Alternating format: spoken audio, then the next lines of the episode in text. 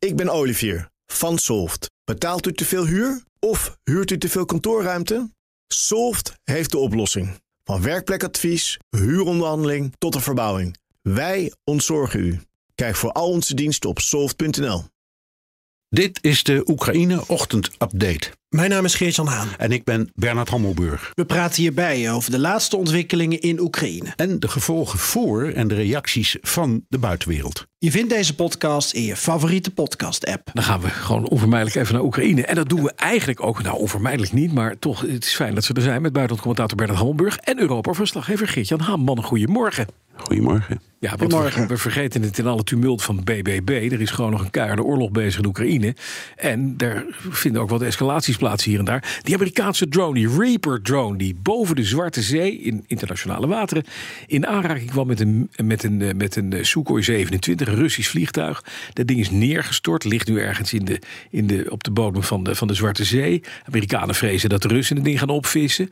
Uh, het is een provocatie, onprofessioneel en onveilig ook, zei gisteren een Amerikaanse veiligheidsadviseur. Ja, uh, mannen, zeg het maar. Bernard, laten we even met jou beginnen. Dat drone-incident. Als je kijkt naar de reacties die er zijn van de minister van Buitenlandse Zaken, Blinken, maar ook van Peskov, van de andere kant, van de Russen. Waar gaat dit toe leiden? Is dit eng? Is dit een escalatie? Nee, Uiteindelijk niet. Gelukkig. Uh, omdat ze dat niet willen. Er is rechtstreeks overleg geweest nu tussen de Russen en de Amerikanen. Uh, er kwam ook een verklaring van de Verenigde Staten dat het uh, roekeloos is en ga zo maar door, ja. maar geen opzet. En dat is heel belangrijk. Dus het, het was een ongeluk. Ja.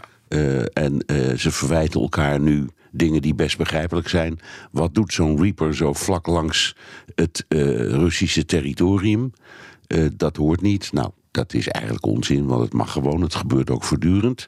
Um, het is zelfs zo dat vijandelijke vliegtuigen over jouw gebied heen mogen vliegen. Als ze maar van tevoren dat bij de verkeersleiding melden. Ja. Dus, dus als je het even, even terugbrengt naar normale proporties. Het is een ongeluk, maar zo verschrikkelijk is het ook allemaal niet. Nee, maar Bernard, en dat, het dat ook, vinden ze allebei ook. Ja, geeft dit ook niet in, in het grotere plaatje misschien wat geruststelling... dat beide landen wel met de handrem aangetrokken opereren. Hè? Dat, ze, dat ze voorzichtig zijn en de boel niet willen laten escaleren. Zeer zeker. Dat is het, ze willen, nou ja, wat ze willen voorkomen is dat dit conflict uh, uitdraait tot een rechtstreeks conflict tussen de Verenigde Staten en Rusland. Dat is hun grote angst. En die angst is volkomen terecht. Dat moeten we niet hebben. Nee. Uh, Gert-Jan, hoe, hoe, hoe, hoe, kijk jij naar? Want er zijn hè, de Oekraïners die kijken natuurlijk ook met argusogen hiernaar. Ja, zelf denk ik dat je die. Um dat drone-incident kan verbinden met wat er vorige week uh, tijdens die raketaanval in de Oekraïne is gebeurd. Waarbij de Russen voor het eerst die ja, uh, zes Kinjal-raketten hebben ingezet. Uh, van die hypersonische raketten die zo snel zijn dat de luchtafweer daar niks tegen kan doen. waarbij ze die raketten eigenlijk vrij ja, zinloos hebben ingezet. Uh, hele dure dingen, waarbij het leek alsof ze uh, aan het testen waren. En als je dat nou verbindt met dat drone-incident, dan zie ik het als uh, spierballentaal vanuit het Kremlin. En ook wel een beetje voor binnenlands gebruik. Zo van: jongens, kijk eens wat wij voor supergave shit hebben hier. Kijk eens wat we allemaal kunnen doen aan stunts. En. Um, ja, wat, wat levert het uiteindelijk op? Ja. Dat is dan de vraag. Dus zo plaats ik het.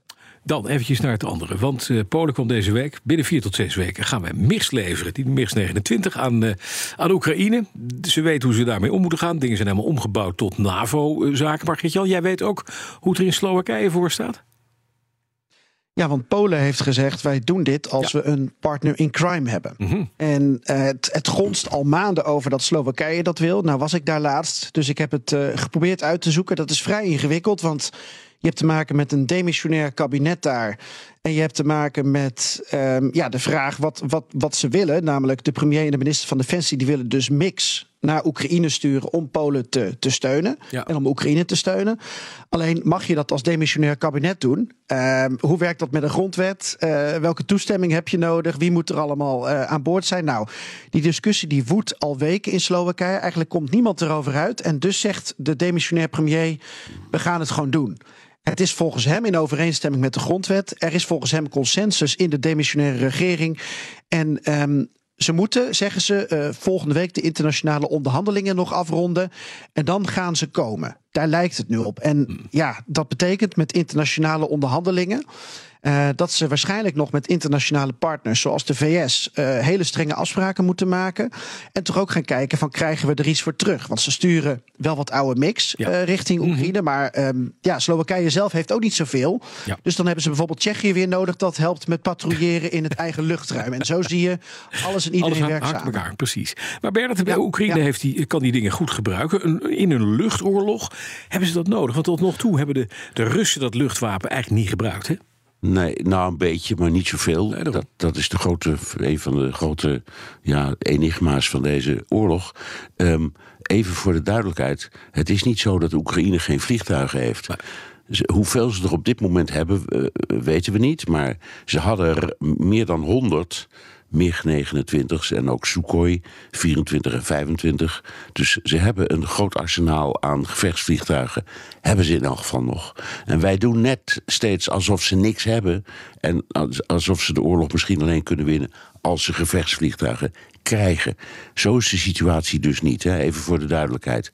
Die steun vanuit andere landen is niet alleen belangrijk vanwege de techniek. Dat zijn uh, nou ik zou maar zeggen, uh, uh, MIGs die zijn opgevoerd tot NAVO-standaarden.